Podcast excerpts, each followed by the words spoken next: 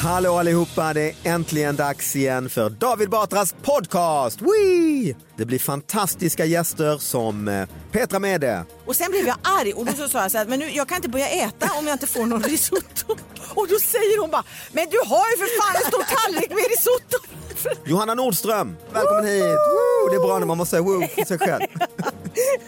Men det är också den spontana reaktionen Ja men det är det ju. som man har. Om man är narcissist. Ja. Johan Glans, På lördagen uppfördes en så kallad pjäs med, nam- med namnet Beväringsmönstring.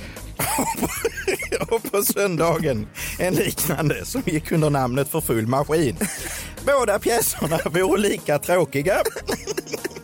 Hampus Hedström. Men det är ju livsfarligt om vi håller på så här i poddar och berättar för folk att när ni är 91 Ja, så det är ska det ni ju. balla ur. Fast- Då kommer ju alla Vi bli... har ju väldigt mycket 98-åriga lyssnare, det är ju basen. Jag tänkte att det var målgruppen här. Ja det är det ju. Ja. Det blir otroliga sidekicks som Sara Young, ni köper vanlig pussy. Ja. Har vi hamnat?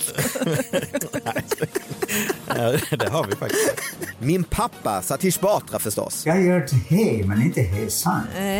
Och då kommer jag hem till Marianne. Den här professorn är så vänlig.